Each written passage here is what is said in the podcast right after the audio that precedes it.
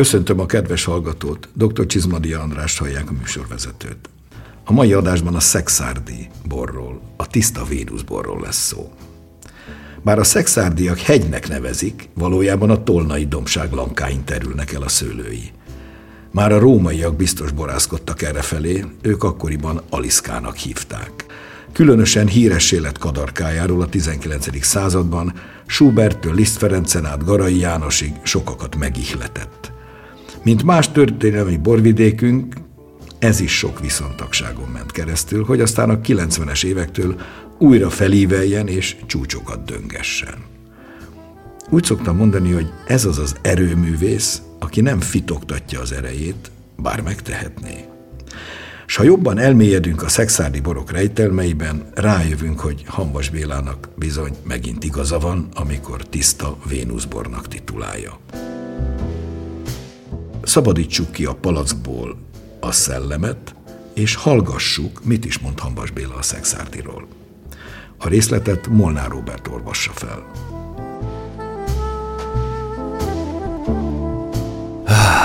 Igen, a szexárdi. Amíg nem jártam arra, nem is volt igazi és helyes képem róla. De amióta láttam a várost a fák közé rejtőzve, fölötte a dombbal, a messze kifutó szőlőkkel, szippantottam levegőjéből, azóta tudom, hogy itt csak ilyen bor teremhet. A szexárdi kifejezetten nőbor, és pedig leginkább 27-28 éves asszonyhoz hasonlítanám, erejének és szépségének teljességében, szerelmi tudásának csúcspontján, tökéletesen felszabadulva, de bámulatra méltó ízléssel és elképzelhetetlen édes tűzzel. A szexárdi a lakodalombora. Ez emeli át a menyasszonyt a házasságba. A merő, tiszta Vénuszbor.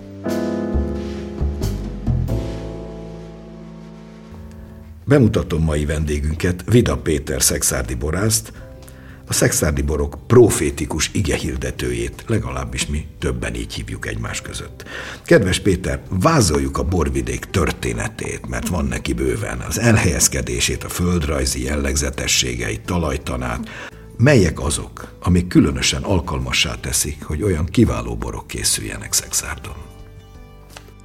Nos, hát az első megjegyzéshez mindenképpen hozzá tartozik, hogy Szexárd történelmi borvidék. Történelmiség ez a római korból ered. És mindennek bizonyságául 1845 márciusában találnak egy hatalmas 120 mázsás márvány szarkofágot. Ezt akkor felrakják hatökrös szekérre, lehúzzák a Dunához, deregére teszik, sölvontatják Budavárához. A Lánchíd épül, annak a darujával emlik fel, később ezt a fantasztikus leletet a Nemzeti Múzeumunkba rejtik el. Akkor neves régésze, Nemzeti Múzeumunk első főigazgatója, Kubinyi Ágoston azt vallja. Nem csak szexárnak, a világnak is fontos ez a lelet. Nagyon érdekes, az egyik rövid oldalán a koporsónak elképesztő véset van. Egy kettős kejhet látunk, egyik a másikra épül, belőle szőlő inda nő ki, határozottan a szőlőfürtök és a szőlő levelek jelennek meg. Megállapítja, hogy Krisztus születése körüli időből származik a koporsó.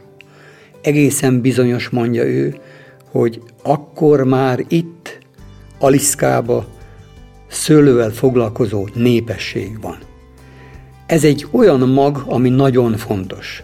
Találnak egy vázat diatrétát, egy áldozati üvegedényt, amin egy Krisztus alak van, kezébe tart tányért, tányéron kenyérdarabkák, nem is lehet más, csak az eukarisztia jelképe. Ógörögül az van fölírva, bibe pásztori, bibe vivesz. Az annyit jelent, áldoz a pásztornak, igyál és élni fogsz. Ennek nagyon nagy jelentősége van. Egészen a mai napig átível ez a gondolat. Szexárdot elsősorban a klimatikus tényezői teszik nagyjá, hiszen kettős nagy hatás van. Ott van az Alföld szélén, pontosabban a síkság, inkább így mondom, a síkság szélén.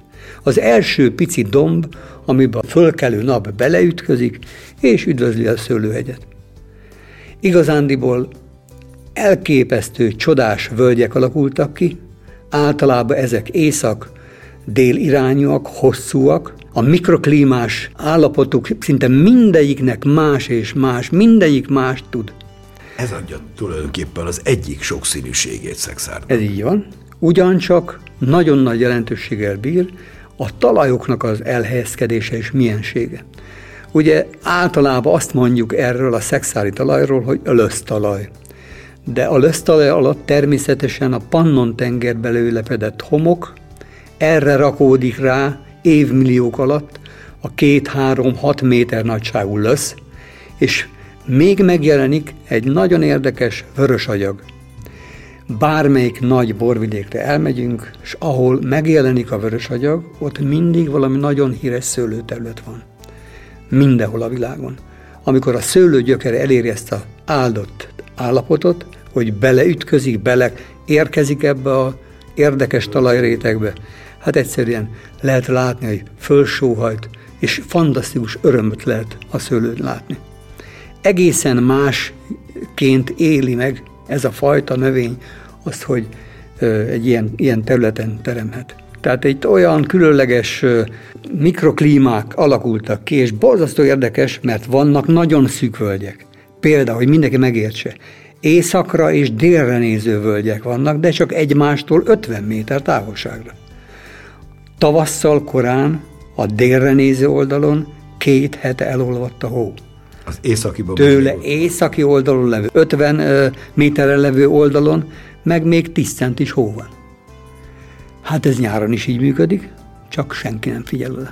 Hát ezeknek az apró, pici dolgoknak nagyon nagy jelentősége van a borvidékünkön. Hogy nézett ki egykor, régen, ha történelmileg visszapillantunk, a szőlőfajták megoszlása?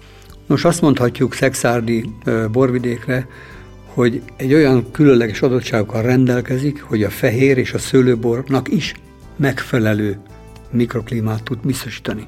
De természetesen, mint minden borvidéken, ezek aránya változik. A kezdetekben itt is, mint általában minden borvidéken, a fehér szőlők jöttek elő, és a fehér szőlők indítottak el sok-sok érdekes dolgot. De már a rómaiak idejébe nagyon fontos és igazán nagy jelentőséggel bíró két katonacsászár az, aki elindítja ezt a fantasztikus csodát. Az első volt Probus Aurelius, aztán jött Galerius Maximilianus, az ő idejében például a Pannonia északabbi részére is elkerül a szőlő, és az egyik császár saját katonáira ráparancsol, és azt mondja nekik, hogy fiúk, itt véget ért a küzdelem, most mindenki mást fog csinálni. És kiosztja a kapákat, és elkezdi dolgoztatni a katonákat. Hát ezek borzasztóan nehezet viselik el ezt a megaláztatást, és öt év múlva egyszerűen föllázadnak, és megölik a saját császárukat. Ez volt Probus. Ő volt Probus, Aurelius. Ezután jött Galerius. Galerius nem kapátozta népnek, hanem ásót. És elképesztő árakrendszereket ásat ki, hiszen kikiáltják Pannoniát éléskamrává, és neki gabonát kellett ezentúl előállítani. Hallgassuk meg akkor most idősebb Helyman Zoltán szexádi boros gazdát, akivel Királyhegyi Zsuzsanna beszélgetett a szexádi borok stílusáról. Ön, mint borosgazda, mint szexárd egyik borosgazdája, miben látja a szexárdi borvidék egyediségét, miben más, mint a többi vörös vidék? Legutóbb egy osztrák borász talált azt mondani a kékfrankosunkra, hogy sokkal több benne a kedvesség, mint amit ők burgerlandban készítenek. Tehát én ebből azt akarom mondani, hogy a szexádi borvidéknek van egy kedvessége, egy ilyen, ha úgy tetszik, behizelgő finomsága, amivel kevés más borvidék rendelkezik. Megboldogult Diófási Lajos professzor, aki a környék szőlészeti meghatározó egyénisége volt, ő azt mondta, hogy a szexárdi borban előbb van benne a nóta.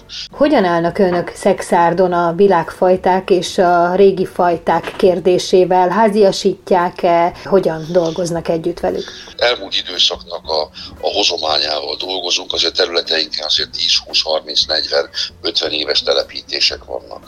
A 60-as, 70-es évek azok a világfajták térnyerését jelentették, és mondjuk ki, hogy a Cabernet Francban, vagy a Cabernet Sauvignonban, vagy a Merlotban, vagy a Szirában a jó borokat tudunk készíteni, tehát ezen nincs vita és nincs kérdés. Ugyanakkor azonban köztünk egy nagy vita, hogy a saját régi úgynevezett közép-európai fajtáinkat, a kadarkát és a kékfrankost mennyire tesszük előtérbe. Mi, most ha Heimanról beszélek is, ilyenek vagyunk egy jó páran, Sebestyén Csaba, Vida Péterék, Taklerék, akik azt mondjuk, hogy a helyi fajtáknak azért kell nagyobb hangsúlyt és hírnevet adnunk, mert ezzel válunk egyedi és különlegessé. Cabernet, Merlot, Syrah borokban mindenki Ausztráliától, Kaliforniáig, Dél-Afrikától, majdnem már Angliáig mindenki ezekkel a fajtákkal dolgozik. Az elmúlt időszakban van egy térnyerése a régi helyi fajtáknak, itt akár a, a különböző toszkán fajtákra gondolok, vagy a spanyol fajtákra gondolok, most hadd ne mondjak neveket hozzá, uh-huh. de hogy a, a piacon van egy érdeklődés az újra. Mi azt látjuk, hogy a kadarkára óriási érdeklődés van. Burgerlandból a kékfrankosnak elég erős utat szabtak hogy magas minőségű, erre a vonatra szeretnénk mi is felszállni. És azt látom, hogy nem fogják ezek a borok a világot meghódítani, nem ők lesznek a legnagyobb borok, de izgalmasak, újszerűek, mások, mint a többiek, és mi ezt tartjuk most fontosnak. A szocialista korszakban eléggé eltűnt a szexárdi bor érdekes módon, vagy legalábbis ilyen szexárdi vörössé összpontosult. Aztán a 90-es váltás után itt is a nagy vörös világfajták felé fordult a figyelem, talán egy kicsit villányhoz hasonlóan. Lehet egy kis rivalizálás is volt a két borvidék között? Általában a 20-30 évvel a váltás után hogy látják a szexárdiak manapság? Mi a helyes út? Mi az egyediségük? Igazándiból azt vettük észre, hogy villány tőlünk délebre van, és nagyon ügyesen, okosan és előbb léptek. Ezért mi bizony nézegettünk, és hát ácsingóztunk, hogy hogy is, miként halad előre. És mi magunk is egyre komolyabbá kezdtünk válni. De igazából talán onnan kéne elkezdeni, hogy valamikor Szexárdon megalakultak olyan szövetkezetek, akik komolyan vették ezt a dolgot, és elkezdtek szőlőt telepíteni. Erdendően három szövetkezet volt, a Béri Balogádám, a Garai és a Jó Reménység. Mindegyik eltelepített szőlőt, és mindegy 300-350 hektárnyi szőlő megszületve ott állt a dombon. Ehhez kellett egy olyan feldolgozó egység, ami pontosan és nagyszerűen tudja ezeket a szőlőket befogadni, és ráadásul a városban az egyéni gazdáknak a termését is föl tudja dolgozni. Ez volt korábban. Így van. Ezek után óhatatlanul a kicsi gazdák, a kicsi egységek, mikor lehetőséget kaptak, hogy ők maguk megjelenjenek épp úgy, mint a villányi nagyok, elindultak. És mi azt mondjuk akkor, hogy az első ötös fogat volt, mint ahogy villányban is ugyanígy történt, elindult az ő meghatározott pici útjain, de hát borzasztóan rögös utakon, de ez az öt ember nagyon sok nagyszerű dolgot kitaposott. Hiszen akkor ők már elkezdtek palacba tölteni, nem palackozni, csak palacba tölteni, és megjelentek Budapest nagyon előkelő éttermeibe. Mi magunk is így jártunk, és az első nagy szavású átrendeződés az gyakorlatilag a kéli étterem okozta. Mi először oda jutottunk, és annyira tetszettek a boraink, hogy egész egyszerűen minden egyebet lesopörtek, és onnantól kezdve mi vihettük a borainkat. Tegyük hozzá, ez a 90-es évek elején jár. Így van, így van. Mi konkrétan 89-ben palackoztunk először bort, tehát a legelsők között, és azt láttuk, hogy bizony nagyon nagy jelentősége van. Anyagilag is, és presztisben is. Így aztán egyik ember a másikat erősítve neki lódult, és neki kezdtünk sokkal komolyabb, sokkal nagyszerűbb dolgok véghezvitelére. Ennek tapasztaljuk is az elmúlt húsz évben azért a gyümölcseit, mert tényleg Szexár csodálatos borokat készített, és szerintem semmiben nem marad el villány mögött. Behozta, igaz, később indult, de behozta azt a késés, azt a kicsi Olyannyira, késést. hogy örömmel mondhatjuk, és számolhatunk be mindenkinek, hogy immáron Szexáron öt év bortermelője született, sorrendbe, ugye első volt Vesztergombi Ferenc. Ferenc, Takler Ferenc, Vida Péter, akkor itt a Duzsi Tamás, és a legvén a Mészáros Pál. öt év bortermelője érkezett Szexárról, aminek bizony megint van és lesz jelentősége. Megjelentek újabban a dűlők is, egyre inkább látható szexárdon belül dűlőszelektált bor. Porkolábvölgy, Baranyavölgy, Ivánvölgy, Hidaspetre, Bakta, Bartina, Görögszó, Kerékhegy, Gurovica, Faluhely, és még sorolhatnám. Hát azt kell mondjam, ez a normalitásnak a jele. Ugyanis a régi szocialista időben szó sem lehetett ilyenről. Volt a szexárdi vörös, és minden Így van, bele. Slusz. Azt mindenki látja, mindenki tudja, amikor ő elkezd saját maga a szőlővel foglalkozni, hogy melyik dűlőben milyen termés születik. Tehát ez idő kell, hogy az ember megismerje egyáltalán a dűlőit. Én mindig mondom fájdalommal, hogy a franciák ezért járnak előttünk, mert ott évszázadok múltak, és már azt is tudják, hogy a bizonyos dűlőnek az alsó négy sora az, amit ő azt, ha leszedi, abból valami fantasztikus dolog történik. Még az aldülőket is Mi ismerik. ott így vagyunk, hogy a szőlőinket eltelepítettük, és kezdjük figyelni a dűlőket. És bizony-bizony nagy jelentősége van ennek a kérdésnek, mint a világon mindenhol. Éppen ezért teljesen igaz, hogy egészen különleges dűlők jelennek meg, ahol én úgy érzem, a világ csodálata meg tudjuk mi rengetni. Olyan borok fognak onnan előjönni. Nem csak fognak, szerintem már jöttek is elő, és nyilván fognak is.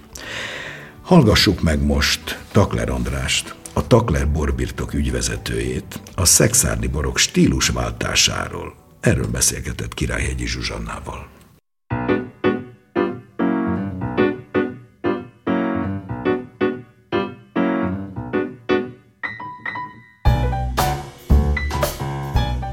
Szexárd már számtalanszor bizonyított, hogy világszínvonalú csúcsborokra képes, főleg a nagy világfajtákból, de újabban, mintha elindult volna egy stílusváltás is. Miről van szó? Így igaz. Ugye mindig az vezetett sikerre bennünket, a borvidéket is, amikor az adott kor szellemének, fogyasztói szokásainak meg tudtunk felelni. Ugye a rendszerváltás után a 90-es évek elején próbálták a, a villányi sztárokat úgymond követni.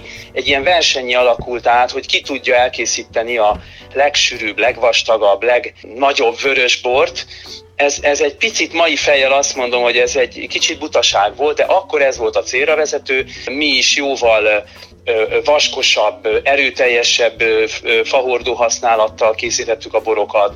Ugye Amerikába szállítottunk abba az időbe, ahol ez a stílus nagyon elfogadott volt, sőt, nagyon nagy sikereket értünk el. Tehát itt nem arról van szó, hogy megtagadnánk a, a, az eddigi sikereket, csupán azt gondoljuk, Heiman Zoltán, Vida Péter, Sevescsénék és még sok más pincészet tart velünk, ugye a Szexárd palackban próbáljuk ezt mi megtestesíteni, megjeleníteni, komplex, szép beltartalmú borokat készítsünk, amiben inkább a teroár, a fajta jelleg dominál, mint sem az erő is, a, a tannin és, a, és az erőteljes fajízek, amelyek azért elvesznek a varázsból. Hogyha valami bevált, akkor mernek változtatni? Tehát pont ahogy mondta, hogy jól bevált sikereket értek el, mégis fontos önöknek a megújulás? Ez egy belső hang. Igazából én azt gondolom, hogy egy, egy borász ettől nem üzletember, mert ha, ha üzletemberek lennénk, akkor, akkor csinálhatnánk azt a megszokott lágy, jó tanninos, kicsit fával, vagy akár sok fával megdíszítve. A borversenyeken még mindig ezek a borok tarolnak egyébként, ami nekem nagy szívfájdalmam, de elfogadjuk. Ez egy következő lépcső, amikor már tudunk figyelni a, a varázslatra, a kifinomultabb jellegre, és ugye ezt én bátran mondhatom, mert a mi borászatunkat is korábban úgy ismerték, hogy, hogy kvázi egy ilyen villányi típusú erőteljesebb, és mi ezt nem szégyeljük, sőt büszkén mondjuk, hogy, hogy igen, változtunk, stílust váltottunk, ez nem azt jelenti, hogy vékony borokat készítünk, csupán jobban figyelünk a fajtára, a, a dülőknek a gyönyörűségeire, amelyek ugye szexárdon azért egyre másra mutatkoznak meg. Nem kell messzire menni, meg kell nézni mondjuk, hogy az Egri borvidék ezzel a stílussal az elmúlt években milyen gyönyörű sikereket ér el, és Szexárd állja a sarat,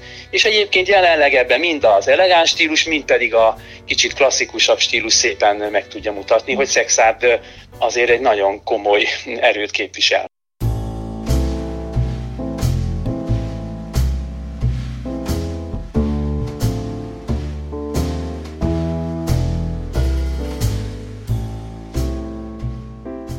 Mi a helyzet a bikavérrel? Mert ugye tudható, hogy Szexárdon van bikavér, sőt volt is, igaz, hogy a szocialista korszakban megtiltották Szexárnak a bikavér név használatát, ki tudja milyen okból. Garai János nevén nevezte annak idején a szexárdi bikavért, aztán 90 után újra megjelent. Hol tart most, és főleg miben különbözik Egri rokonától? Úgy kezdődött a történet, hogy Garai János a következőket írja a vegykoron. Tölst pohárba, s csodát látsz. Színe, mint a bikavér, s a gyöngy, mely belőle fölragyog, mint hó fehér. S a tőke, melyen termett, nem de oly zöld, mint a rét. Hol lelet föl szebben együtt, szép hazánk három színét. Ezt írta Garai. No hát ennek megfelelően teljes odaadással nekiálltunk, és egy különleges bikavéreket szeretnénk megszülni. A területek mind alkalmasak erre. Észrevettük azt is, itt már többször elhangzott a teruár, a, a domb és a völgyeknek a jelentősége, ezért én úgy érzem, mi magunk egészen biztosan meg fogjuk tenni, hogy dűlőszelektált bikavért is szeretnénk létrehozni. Van már? Még nincs, mert éppen még a kékfrankost kell eltelepíteni. Mindenfajta megvan már Baranyavölgybe.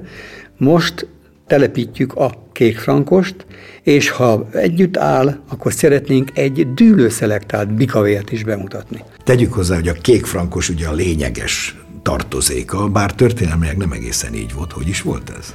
Hát igazándiból nagyon fontos az alapszabály. Az alapszabály azt mondja a szexádi bikavérre, hogy minimum 45% kékfrankosnak, 5% kadarkának, és a többi tételesen felsorolva egyéb fajta lehet benne. Ez az alap bikavér. A magasabb léptékű bikavér, amit meg akarunk jeleníteni, ott annyi különbség van ehhez képest, hogy az egyéb fajtába csak a nagyobb léptékű világfajták kerülhetnek bele. De nem tudok mást mondani, én úgy érzem, a bikavér akkor lesz bikavér, ha az ember becsukja a szemét, szájába vette a bort, és mintha egy zenét, egy szimfóniát hallgatna. Mert sok színűnek kell lenni. Nem lóghat ki belőle semmi, mert hibapont. Az az igazi csoda, amikor az ember lenyelte a bort, és azt érzi, hogy az Úristen átölelte, és valami fantasztikus dologot indul el. Valami olyan különleges érzés, ami semmihez nem fogható. És ekkor érti meg igazán az ember, hogy mi is a bikavér. Egy végtelen finom, sokrétű, sokszínű, de egyáltalán nem hőzöngő, nem hatalommal bíró, hanem egy végtelen, kedves, nagyszerű, ugyanakkor erőt mutató gyönyörűség, és ott van benne a kék frankos túlsúly, ami egy biztos savgerincet ad, és óhatatlanul elképesztő illatok fognak megjelenni. Láthatók-e némi összefogás jelei, mert hogy láthatók azért valljuk be a szexádi borvidéken. Nagyon örülünk annak, hiszen erre is azt mondhatom, hogy ilyen még nem fordult elő Magyarország történetébe, hogy bizonyos napok vannak. Ezek minden ö, olyan szőlőt, szőlő napokat tartunk, aki például kékfrankost palackoz, merlót palackoz, ezek összejönnek egy helyre, mindenki visz egy üveg bort, és föláll, elmondja, hogy született ez a bor, mindenki hallgat. Akkor a házigazda felszólít valakit, hogy te jobban figyelj, mert most az elhangzott öt bort konkrétan be kell mutasd. Ötödik fa, ö, bemutató után föláll, és értékeli az öt bort egymástan. Ez azért jó, mert mindenki megtanul a borról beszélni, és mindenki észreveszi, hogy az ő saját bora hol áll ehhez képest. Mindenki a saját borát mutatja be, vagy pedig vak, vakkostolásba megy? Most már is is van, tehát ilyen is, meg olyan is van. Eleinte sokkal jobb volt, hogy ez ember elmondta, hogy hogy született meg ez a bizonyos bor, és figyel. De aki ott ül, óhatatlan, nem tud elmenekülni, észre kell vegye, azt a mindenit neki. Hát itt két olyan bor volt, ami jobb, mint az enyém. Öcsém, ha te nem teszel rá két lapáttal, akkor lemaradsz. Így húzzák egymást elő. Ez a fantasztikus, nagyon. és ez nagyon nagy dolog. A szexárdi borok, és ezen belül a vidaborok, azért konkrétan beszéljünk róla, miként gazdájuk is tulajdonképpen maguk a költészet. Hallgassuk csak. Ilyen bornevek. Ölelés, tündértánc, bűvölet, tündérrózsa és társai. Milyenek ezek valójában? Hát maga a csoda. Ezek között természetesen óhatatlanul liblingek vannak. Az egyik ilyen libling nekünk a kadarka.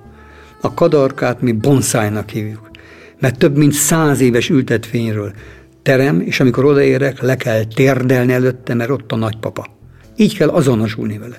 De ott a merló, az mindig megfog, mert egy végtelen szeretetet sugároz. Ha egy merlót, egy igazi merlót megkóstol az ember, lenyeli, egyszerűen azt érzi, hogy átölelik, és nem tud elmenekülni. Ez valami elképesztő csodát tud produkálni magam is csak megerősíthetem ezeket a szép szavakat, mert valóban, ahogy Vida Péter tud beszélni a borokról, az már önmagában is egyfajta ige hirdetés, és méltó a szexárdi borhoz. Köszönjük szépen Péternek. Van egy, egy mondat, ez az én arszpolitikám. A mindenható, az itt élő ember, a talaj, a klíma, a fajta, a szakmai tudás és a lélek megjelenésével létrejöhet mindaz, amit régóta hirdetek.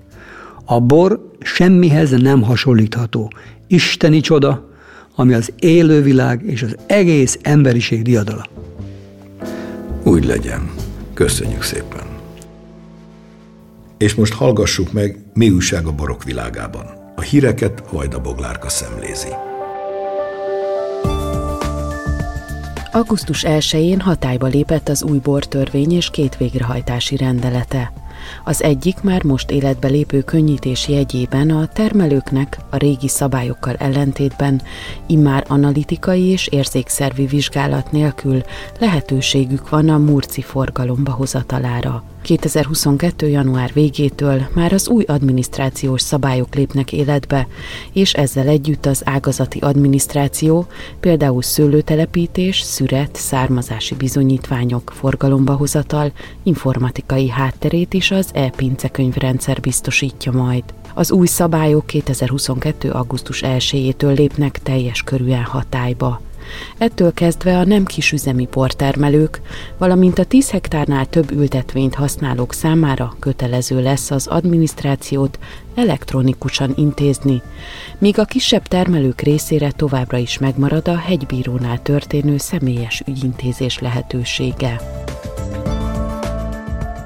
Szeptember 4-én este rendezik a 4. Szentgyörgy hegyhajnalig eseményt. A résztvevő közel 20 borászat egytől egyig azon dolgozik, hogy megmutassa ennek a vulkanikus hegynek a kivételes adottságait. Idén egyfajta bortérképet is összeállítanak a szervezők. Minden borászattól ajánlanak egy kiemelt bort, melyeket végig kóstolva kialakulhat bennünk a teljes kép a hegyről. Még akkor is, ha mindegyiket nem is tudjuk megkóstolni. A következő hetekben kiemelten ellenőrzi a Nemzeti Élelmiszerlánc Biztonsági Hivatal a pálinka alapanyagként felhasznált barack és málna származását. Az akció célja, hogy a pálinka, mint az egyik leghíresebb hungarikum, az előírásoknak megfelelően kizárólag Magyarországon termett gyümölcsből készüljön. Az ellenőrzéseknél a pálinka előállítóknak igazolniuk kell a felhasznált gyümölcs magyarországi termőhelyét, faját, fajtáját. A nyomonkövetés szempontjából fontos, hogy az üzembe érkezett gyümölcs mennyiségi és minőségi átvételét bizonyító dokumentumok mellett számlával, felvásárlójeggyel, vagy saját termelésnél az adott területre vonatkozó tulajdoni lappal, bérleti szerződéssel kell rendelkezniük, amely iratoknak nem csupán a meglétét, de a megfelelőségét is vizsgálják a szakemberek.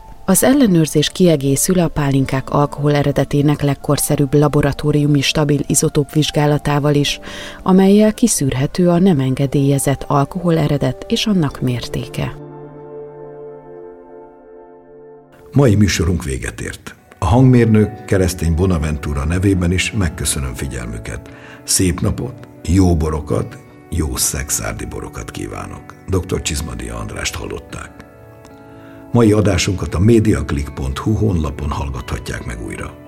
A műsort az MTV-a készítette 2021-ben.